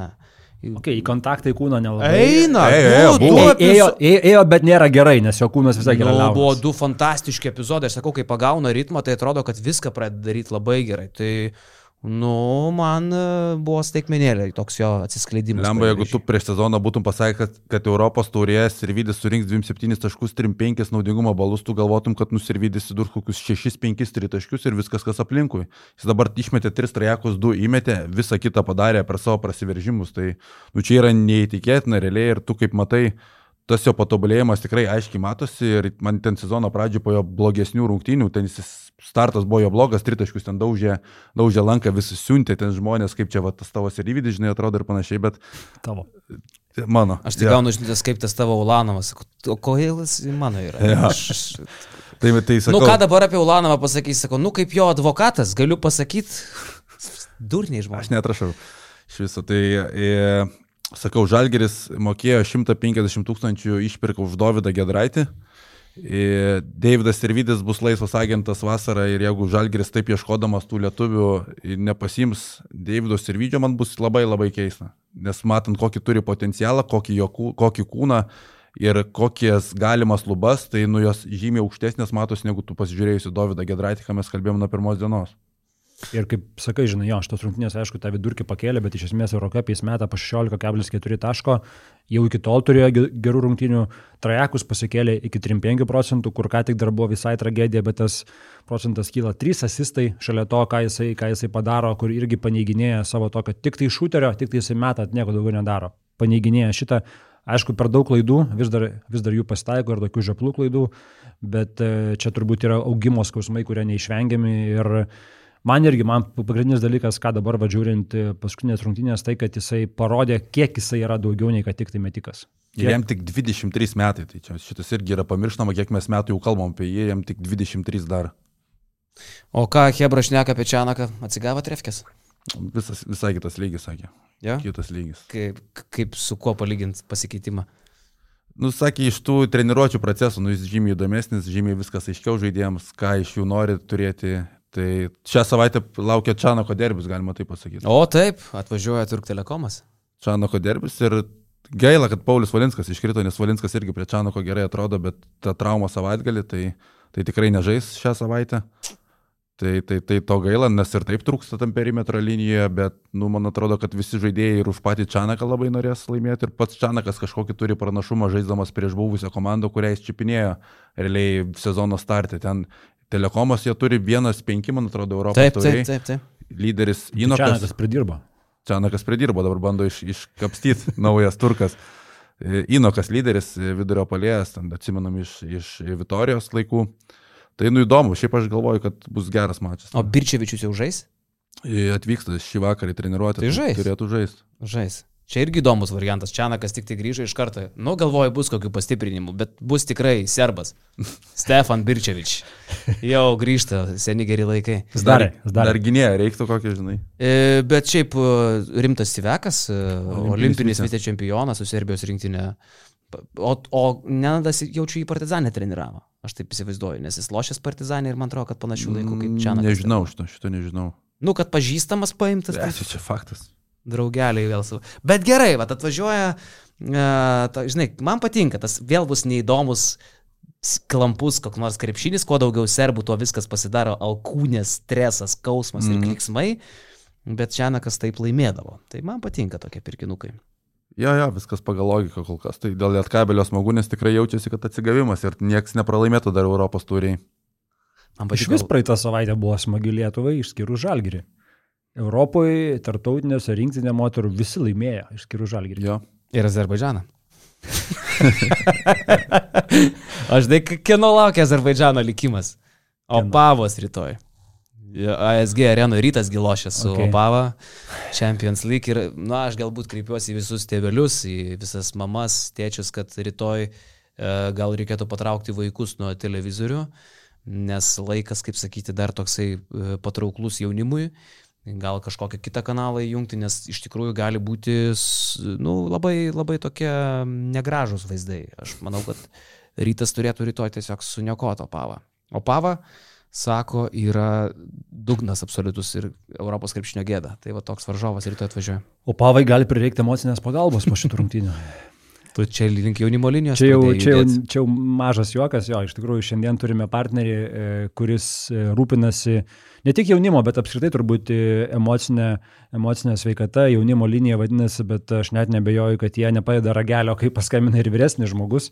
Uh, emocinė pagalba yra dalykas, kuris svarbus uh, ne, tik tai, ne tik tai jaunam, bet turbūt bet kuriam žmogui, ypatingai dabar, kai mažėja to šviesaus laiko, ilgėja tamsesnis laikas, ane, mes visi puikiai žinom, kaip mes esam linkę panirti į kažkokius tai liūdnesnius reikalus būtent šituo metu laiku, praktiškai visą žiemą. Dabar čia mūsų laukia gera pekla artimiausius kelius mėnesius. Bet reikia šipsotis, aš tą pasakysiu. Net ir kartais fake. Nusišypsok, kad ir fake. Kaip sako, geriau yra nenuoširdį šypsena negu nuoširdus susiraukimas. Bus ir kiti laimingesni ir pačiam bus geriau. Arba paskambinti jaunimo linijai. Jo, tai arba paskambinti a, 8800 288 88 visą parą, arba yra čatas jaunimo linija LT kasdien nuo 6 vakaro iki vid- vidurnakčio, kur galite pasirašinėti irgi kažkokiais klausimais, kurie jums yra aktualūs. E, Apmokyti savanoriai, apmokyti profesionaliai, apmokyti būtent e, pakalbėti, suteikti paramą, palaikymą a, tokią akimirką ir iš tikrųjų turbūt reikia, turbūt vis, visi, visi mes esam turėję kažkokių tai didesnių duobių, ne? čia niekas nėra stebuklingas. Jeigu kažkas e, kažkur atrodo, kad jisai gyvena labai smagų gyvenimą iš jo social medijos, na jisai tik tai savo gražiąją pusę rodo, niekas nerodo savo liūdnų pusių, savo, savo kažkokių tai uh, nusivylimų. Nu, kodėl Sigel rodo kiekvieną dieną? o ten tai ponė pavarom. Nežinau, nieko apie ją nežinau. Bet iš esmės, jo, jaunimo linija ir jaunimo linija dirbdama šitą gražų darbą, tuo pačiu ir e, ieško paramos, kad galėtų daugiau teikti palaikymo būtent žmonėms, kuriems reikia e, em- emocinės pagalbos. Ir jie siūlo įsigyti dovanų ar siūlo įsi- įsigyti atributų, kurie yra jiems paukoti. Ir vienas iš jų yra štai šitas kamolys, kurį Žalgiris surinkęs autografus visų savo žaidėjų, Patogus. padovanojo jaunimo linijai ir jaunimo linijos parduotuvėje, parduotuvė.jaunimolinija.lt e, galite šį kamolį įsigyti, jo kaina yra 2000 eurų. Akivaizdu, kad kaina yra tokia, kad e, tiesiog tai yra daugiau kolekcinė prekė e, skirta, kad tie pinigai nueitų jaunimo linijos veikloms. Tai parama tiesiog. Šiaip realiai be numerių niekaip nepasakytum, kur kieno parašas. Uh, Nes sur numerius užrašo. nu jo. Madimša. Nu, Lukas ketvirtas, antras. E, žiūrėk, koks Evanso parašas apšė apie nieką. Atsiprašau, kad pasakiau apšė.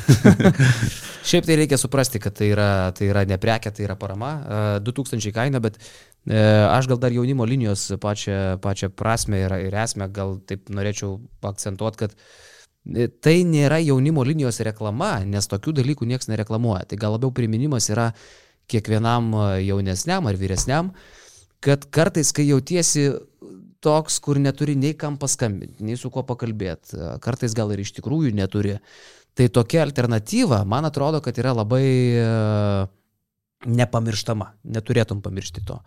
Vis tik tai, jeigu ir nedrasu, ar galvoji, ką čia man padės, ką čia man pasakys, žinai, kaip žmonės, pavyzdžiui, neina pas psichologus, nes galvoja, kad, ai, man vis tiek tai niekas nepadės, tai tu bent pabandyk. Mhm. Bent pabandyk, užuot užsidarę savyje ir nešiojasi savyje visokias tai nesąmoningas mintis. Tai va, o kad e, jaunimo linija galėtų gyvuoti ir tokią pagalbą suteikti mūsų kartais šiek tiek depresuotojų Lietuvoje, tai jiems reikalinga ir finansinė pagalba. Tai prisidėkit prie šito ir įsigykit šitą kamoliuką, o įteiks turbūt pats Jonas, aš taip įsivaizduoju. Ne, ne, ne, čia jau aš su to kamuoliu neturėsiu nieko bendro. jo, bet e, šiaip Evanso parašas yra wow. Ta prasme, jeigu jisai taip iš tikrųjų pasivargino dėl parašo, Gal čia Kyveris pasirašė? Ką? jo. E, tai va, o šiaip žinot, vyrukai, kalbant dar apie liūdėsi, grįžta vienas liūdnojo veido ryteris, bet labai linksmus laikus Vilniui priimantis Nevenas Pachija. Į Vilnių žaisų Vulfs. Nevenas Pachija treniruoja Veneciją, Venecija trečiadienį mm. ASG arenoje žaisti. Pachija ASG arenoje su rytų Eurolygoje žaidė 26 metais, man atrodo. Mm. Tai čia irgi rimta kapela atvažiuoja ir man dabar klausimas, kaip atrodys Vulfsai be Suleimono, nes vis tik tai kosminis žmogus. Gal jie prikels Taylor anksčiau? Gal žais prieš... Buvo kalba, kad Liepos ir lapkričio viduryje turėtų, taip, taip. turėtų grįžti. Lapkričio 15 žaidžia, tai, tai gal prikelinės, prikelinės, bet turėtų dabar Adas Iškečius gal daugiau žais, nes kaip Adas Iškečius žaidė sezono startą, nu tai jis ten buvo visiškas atsarginis žaidėjas. Tu toj perimetro linijai dabar realiai viską trauks Krisas su, su Kariniausku. Jie tikrai solidžiai atrodo irgi, tai pažiūrėsime, dar didesnės atsakomybės. Nu, Žemaitis su Kariniausku mane nustebinė yra, absoliučiai. Mes čia vėl grįžom prie Vulsų, kad Žemaitis gali tokį kokybinį šuolį dėti prieki, turėjo kelius metą kaip sniperis. Mm. E, kalbant apie sniperius Venecijoje, Markos Pisų. 52 procentai tritaškių pataikymą šį sezoną Europos taurį. Tai dar iš tų tokių įdomesnių veikėjų atvažiuoja. Jo, bet o Kariniausko pasitikėjimas savim tai dabar jau net įžulus atrodo, kur bičias jaučiasi kaip koks Dimitris Diamantidis pasuodamas kamoliuką. Mm. Laisvė, džiazas, polėkis. Tai buvo anksčiaugi sukurtas tas toksai mitas, kad lietuviškasis Diamantidis yra kariniauskas. Nu. O jeigu... O šiaip ryto praeitą savaitę dar, jeigu prie jų grįžtant, buvo jo. tikrai kupina įvykių.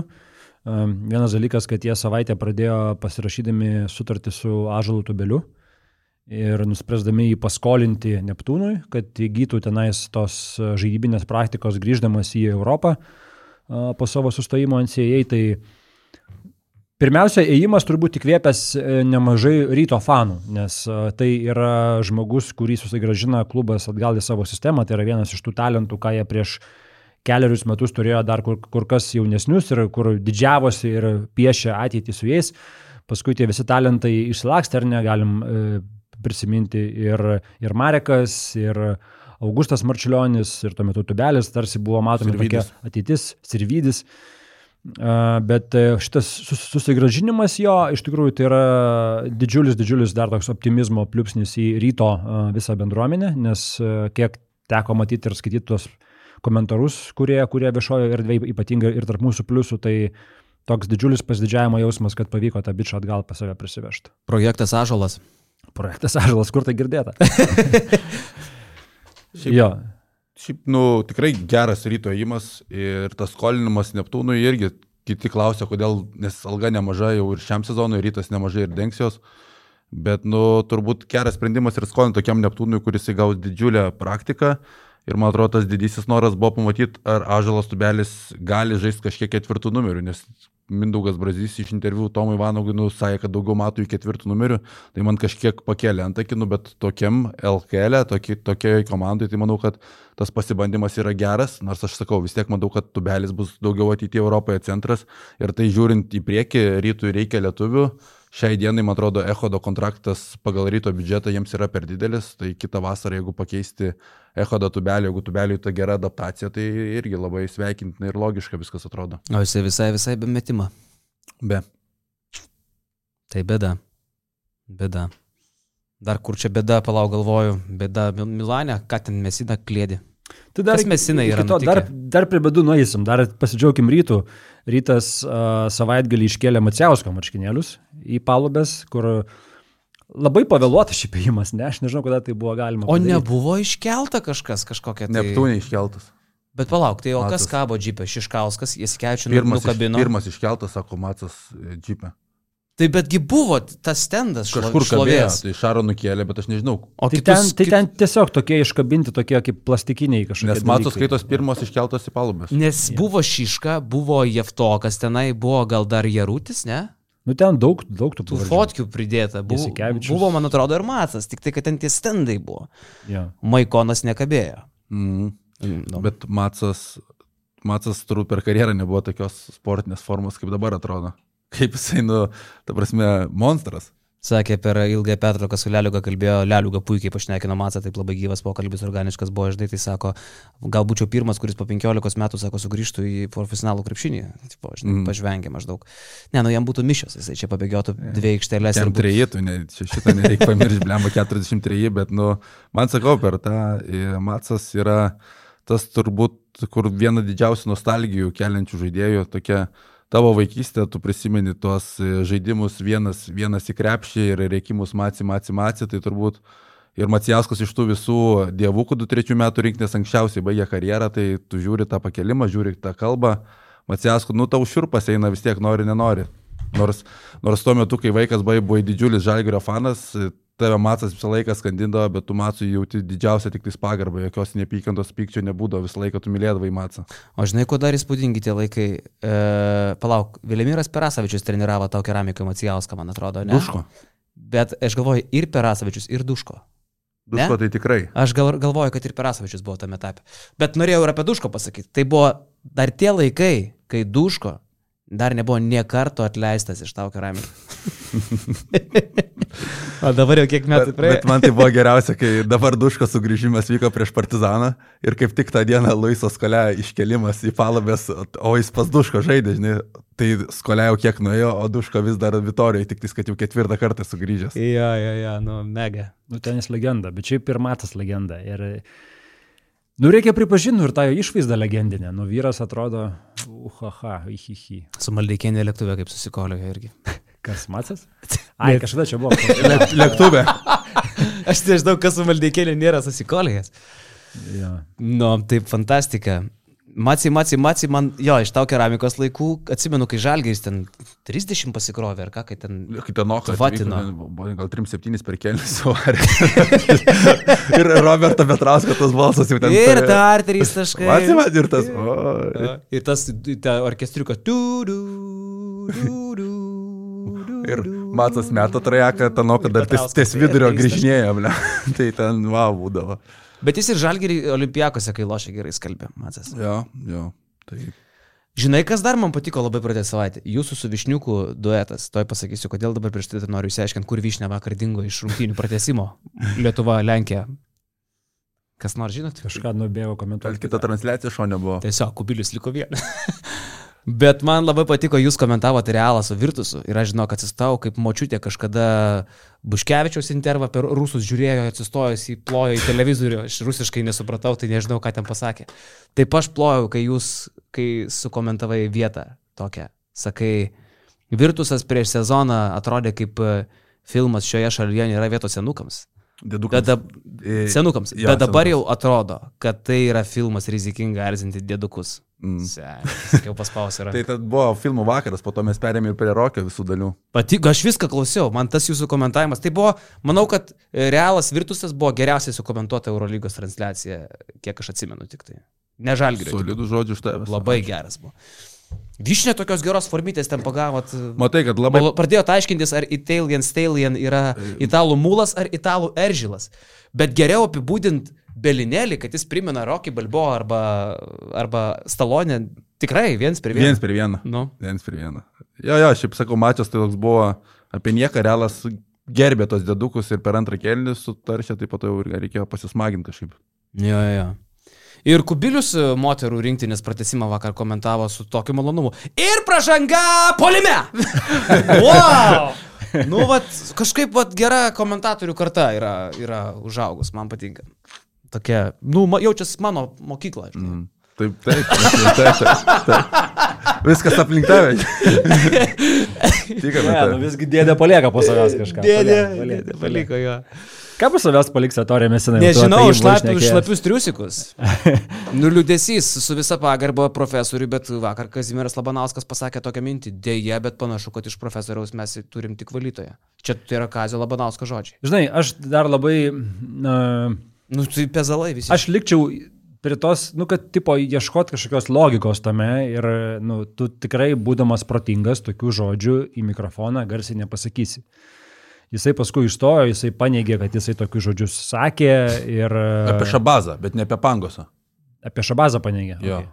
Okay. Uh, bet iš esmės, uh, žinai, aš dabar bandau ieškoti kažkokios logikos Ir man atrodo tarsi logiškiausia, kad tai galėjo įvykti kažkoks tai pokalbis po oficialaus pokalbio, žinai, kai tokie būna. Kai, kai baigėsi tu kalbėjai, tai vadinamai off the record. Ir tada kai kuriem pašnekovam labiau atsiriša ležuvis.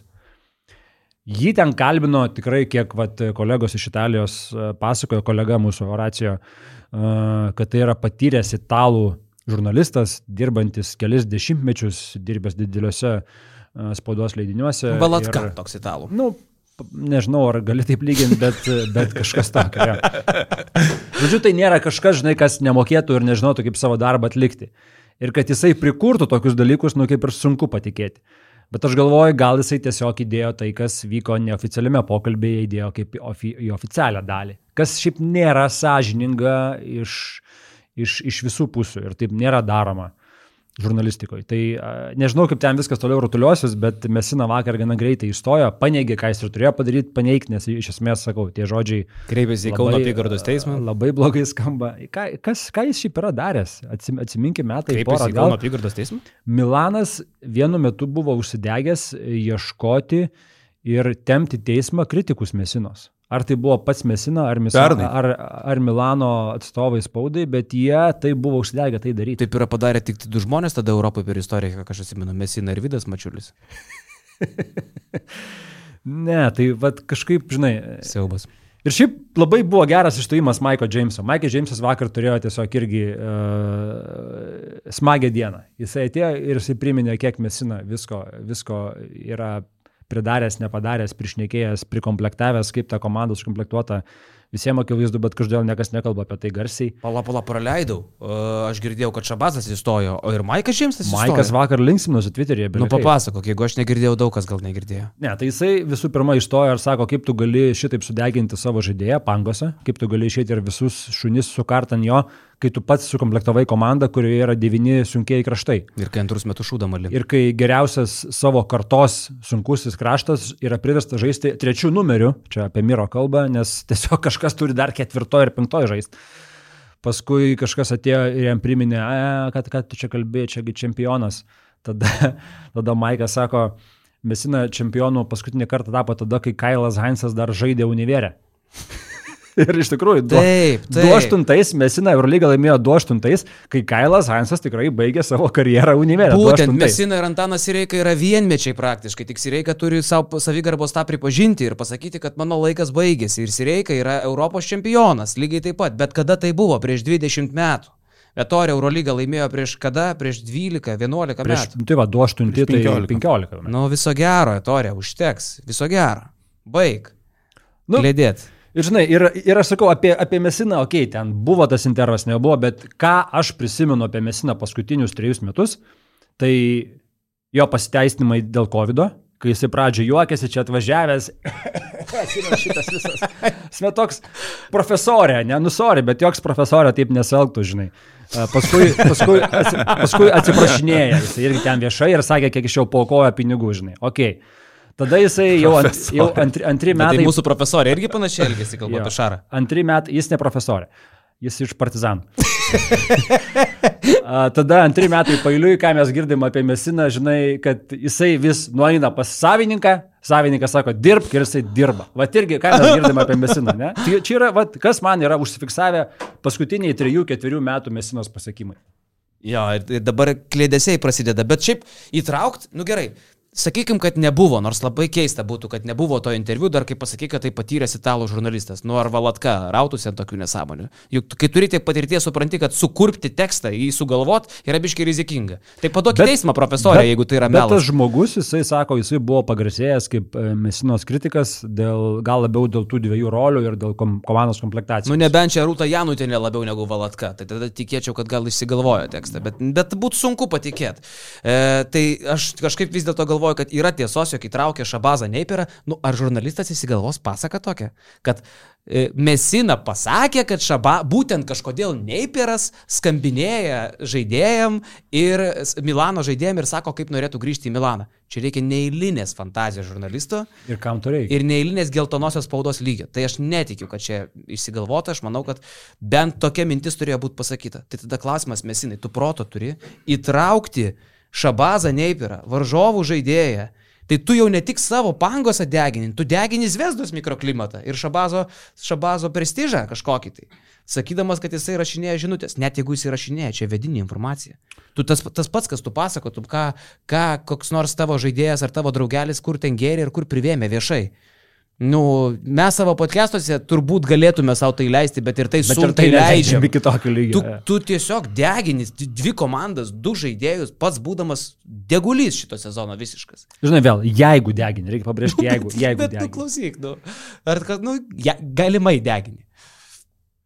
Ne, ne, Torė, taip kaip atrodo, okay, čia ir intervas, ir taip kaip atrodo pastarosius kelis metus jau tai jisai labai stipriai tą karjeros pabaigą nori palikti prisiminimą nekokį, kokia ta buvo karjera, kuri tikrai buvo šlovinga iki tam tikro laiko, bet nu paskutiniai metai turbūt daugeliu įsimins tokie, čia jeigu dar tas šabazas įtrauktas žaidėjas, kuris ir taip jau Belgradė du mėnesius atleidinėjamas, jam sunku, sunki ta adaptacija prie pakvaišusių kartais ir nesveikų fanų, kurie ten ir šeimai grasina ir rašinėja, tai sakė Šabazas, kad tik nusileidęs su lėktuvu, pamatęs tą Mesinos, Mesinos paustą iš karto ėmė rašyti savo tą atsakymą, kadangi nusuprato, kad kas jo lauktų Belgradė, jeigu jis neišstotų, tai, tai apskritai apie pangosą irgi tu pasilieki tą žaidėją ir tu pasakai, kad jis nėra tinkamas e, mūsų automobilio vairuotojas, tai tu nelabai turi kitos išeities, kaip tik tais atgaivinti tą žaidėją, to papildymo kol kas nėra, tu skundės, kad ta rinka prasta, bet tu dar ir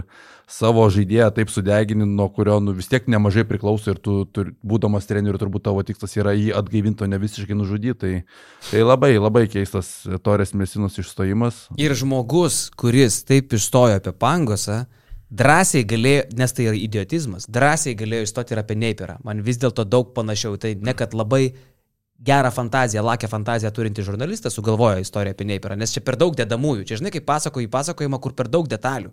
Tai kai tiek detalių, tai dažniausiai yra neįsigalvojama. Uh, tu nelabai sukursi. Žinai, geri melagiai ir meluoja. Jo, bet, tai, detalių. bet viskas yra prieš Mesiną, nes, nes žmogus, kuris kalbėjo taip apie Pangosą, tam pačiam interviu jo, Taip. Šiaip jeigu... tai, tai žinai, kalbėjo apie Pangosą, bet nekalbėjo apie Neiperą. Tai žurnalistas vieną sugalvojo, kito nesugalvojo. Žinant, nu žinant, baig. žinant tai, kad e, Mesina pernai buvo nusteikęs fanus tampyti po teismą, šiuo atveju, jeigu tai tikrai būtų fejkas, jis tą žurnalistą jau būtų padavęs į teismą už, tos, už, už tokią netinkančią tik- tikrovės informaciją. Tik tai yra viena jeigu bėda, kad aš to žurnalisto vietoje jį padočiau į teismą, nes garantuotai yra voice rekordas. Garantuotai. Tu ką tik sukaliai mano įvaizdį kaip žurnalisto. Taip, Etorė. Einam pasivaikščiosim į Kauno Jeigu, apygardos jeigu tai įrašą turi, tai wow. Bet šiaip, šiaip šitą situaciją jokingai pakomentavo ir mūsų kolega Mindaugas Bertys vakar po Prašy, žalgerio. kad susisiektų su to italų žurnalistu, pasiūlo jam šitą variantą. Po žalgerio po, į Kauno apygardos teismą. E, tai Mindaugas vakar BM Plus čiate, bandydamas nuraminti žalgerio fanus, kurie jau įsiaudrinę buvo po pralaimėjimo, sako, ko, kokios čia problemos vyrai. Etorė, Etorė ką tik pralaimėjo Strelniko komandai Italijos lygoje. Strelniko. Skafati ten kažkokia. Strelniko komandai. Taip, uh, Skafati Basket, jas. Yes. Vakar laivų Kaziukas Labanauskas sekė tą rezultatą. Mes apie Mesiną ir savo kalbėjom truputį toje apžvalgoje, žinai. Tarp kitko šiandien išėjo. legenda, legenda atsiprašau, spjaudžiau mikrofoną naują. Video reikės plaukti. tai Nauja apžvalga išėjo su Kaziu. Jo. Plepam apie fantaziją, pažiūrėkit būtinai. ten cirkas neįlinis. Tos, tos laidos yra cirkas neįlinis. Klausykit. Tai, tai yra turbūt labiausiai neįvertintas geriausias dalykas, kūriamas Lietuvos krepšinio podcast'o istorijoje. Jo, labai, labai faina apžvalga. Dabar dvigubą savaitę, daug gerų patarimų. Tarp kitko, visi nurašinėja, kad Labanauskas neturi ką patarti. Tipo Lohas, apžvalgininkas, ką iš čia supranta. Ši, šias prognozes, šį sezoną mes turėjom septynės. Ir mes turim tokią rubriką savaitės rekomendacija. Dabar paklausykit, kokios buvo Kazio rekomendacijos. Iš, nes ten turim iki tam tikros ribos. Kartais iki 200 tūkstančių rekomenduojam, kartais iki pusantro milijono. Tai jo rekomendacijos buvo Larenzakis, kai surinko 25, už 200 tūkstančių rekomendacija. Dimša, kai surinko 22, jo rekomendacija. E, Kordinyje, kai surinko 24 tą savaitę. Ir Tavarešas, kai surinko 30. Iš 7-4 va tokios kazio rekomendacijos. Nu tai atsiprašau. Gauna nuo manęs malko. tik. Šaunuolis, kuria, kurioje vietoje komisaras? E, 2000 Šaunuolis. klasikoje, aš 1200. Tai mes kaip apžvalgininkai, manau, kad ne. Nedarom gėdas. Good. Daug mm. įvykių, ne? Jo. Nu, nekalbėjom tik apie praeitą savaitę dar vieną nonsensą, aš nežinau, kas baisiau, ar tai, kad atleistas iš mažėkio Kiltinavičius, ar kad pasamdytas Nikola Vasiljevas. Jūs man galit kas nors paaiškinti jo man to šitą fintuką. Aš suprantu, kad pažįstamas nuo Dzukijos laikų su Vasilievu, bet keist Kiltinavičių kažkuo galbūt ir logiška, galbūt ir ne, čia diskusijų klausimas. Manau, kad ant atleidimo ribos Kiltinavičius jau turėjo būti, bet Vasilievų pakeisti. Tai man atrodo, didžioji problema ir yra, kuo yra pakistas Kiltinavičius, o ne tai, kad nuimtas Kiltinavičius. Nes, e, nu, ten kiek girdėjęs tie procesai, mažiekiuose jau kurį laiką netenkino, kaip nebuvo ilgalaikių planų ir pats, žinai, čia Jomantas, kai yra pats viduje, tai jis gali labai gerai tai matyti, pats Jomantas gal net jisai per daug žaidžia šį sezoną, negu, negu jis pats tikėjasi žaisti prie Kiltinavičiaus, tai man atrodo, kad pakeitimas čia nėra kažkas labai skandalinga, bet tai, kad tu pats atsiveži Vasilievą, tai, tai jokinga, tai yra jokinga tiesiog. Nes variantų buvo kitų, jų ir tų tikslai ambicingi, girdėjau, kad ir Kurtinaitis ten buvo svajonėse, kad gal į mažiekius atvyks ir panašiai, bet kai galiausiai tu pasibaigi su Vasilievu, nu, tai tas pakeitimas neskamba labai gražiai. Jo, jo, jo, tarp kitko, Kurtinaitį sutikau čia burekiniai neseniai. Atsivežiau močiutę į, neminėsiu čia burekinės pavadinimą, nors paminėsiu, faina vieta, Eglė čia burekinė, panemunė. E, važiavom iš kapų. Ir sakau, močiutė, sakau, šitą vietą man kažkada užrodė Kurtinaitis. Koks Kurtinaitis? Nurimas Kurtinaitis, sakau, tavo laikų žaidėjas. A, nu, nu, nu, nu. Užsisakėm tu čia burėkų. Neblogi ten tikrai. Ir kur buvęs, kur nebuvęs, ateina Kurtinaitis. Sako, girdėjau, mane minėjai. tai man baisu pasidarė. Aš tą pasakiau tikrai tyliai prie staliuko. Ir stovi Kurtinaitis. Mano močiutė paskui sako. Ne, nedavė taip per pakaušį. ne, ne. Močiutė sako, ka, čia kas, Kurtinaitis?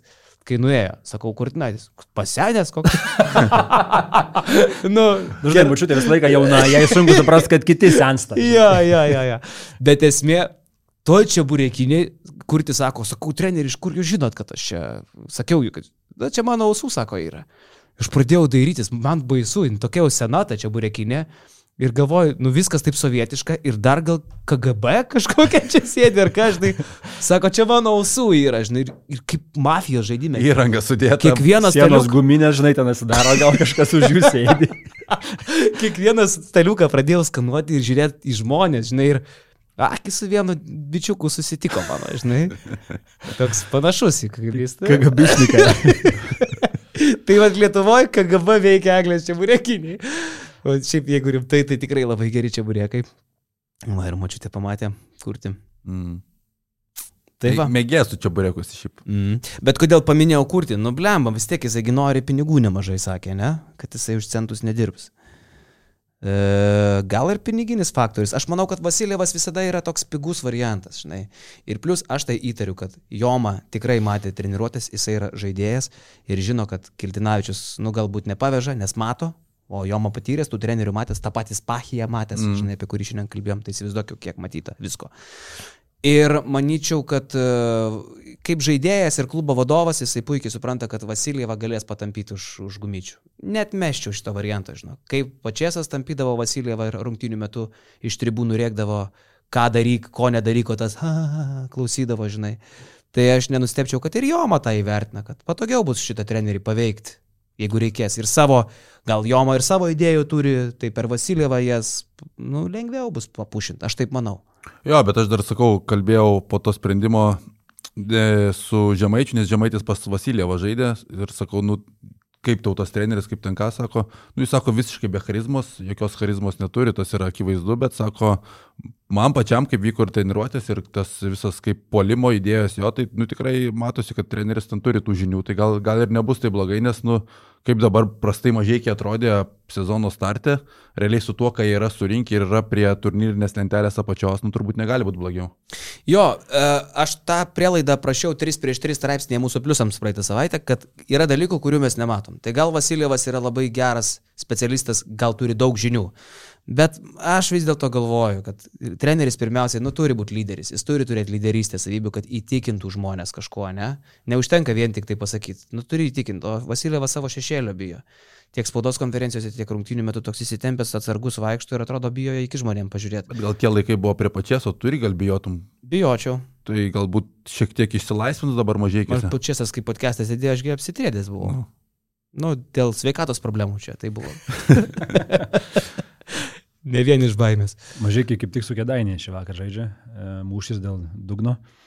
Bet šiaip e, apie dugną kalbant, pakalbės daugiau mūsų kolegos, bet šiauliai toliau pramušinėja tą dugną. Vienas aštuoni jau.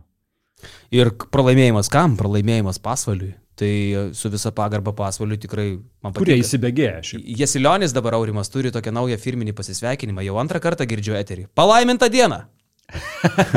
Toks jau jisai. Vat kas turi charizmas, tai turi. Taip, Vat taip. Kas turi, tai turi. Krepšinio zonai pasinčiūra, nu apie charizmą, jeigu šnekam, žinai. E, Irgi šitas e, Jesilionis palaiminta diena ir vakar žiūriu LK Life Intervas. Palaiminta diena. Po pergalės. Jesilionis matėt, kad gavo dovanų e, gimtadienio progą iš Babrausko. Gyva višta. Sakau, dar gyva ta višta, sako, kažkur gyva dar. Ai, Bet šiaip pasvalys, nu ką, nu, Jono Vainausko trūksta ir būtų vakarėlis užsuktas. Brendonas Stebas 2-4,5 taško vidurkis, tai čia tokį žaidėją, neatsimenu kada. Ir gerai sukomplektuotas pasvalys, e, du talentingi gynėjai, e, Tebas su to Vatsonu, Džekas atvažiavęs į žygė lygos ir matome, ko užtenka amerikiečiai. Pažiūrėsime, kaip jausis pasvaly vasarį, bet e, šiuo metu nu, pasvalys įsibėgėjęs. Jo, tai tikrai paliekam LKL savam kiemui, primenu, rytoj legendinė laida, legendinė sudėtis. e, Tu... Ir pagirti dar savo kiemą e, reikia. Praeitą savaitę savas kiemas aplenkė ir pikenrolą, savas kiemas.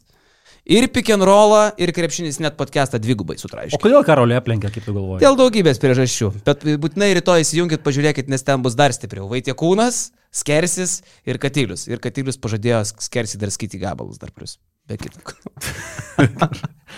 Jau praktiškai baigiam viską, redaktorius išėjo, tai pasakysiu tokią paslaptį. Mes turim 42,5 tūkstančio prenumeratorių, subscriberių mūsų YouTube kanale ir mums Miklovas yra iškėlęs tokį tikslą - iki naujų metų pasiekti 43 tūkstančius. Bus premijos kalėdinės, jeigu pasieksim. Tai žiūrėkit, kiekvieną mūsų laidą pasižiūri 50-60 tūkstančių žmonių, o subscriberių yra 42,5. Vadinasi, tikrai dar ne vienas esat nepadėjęs subscribe paspaudimo. Paprenumeruokit mus, paspauskit subscribe, netingėkit ir palaikint galit podcastą, bet prenumeruot, nu, labai būtų gerai. Padarom tos 43. Iki.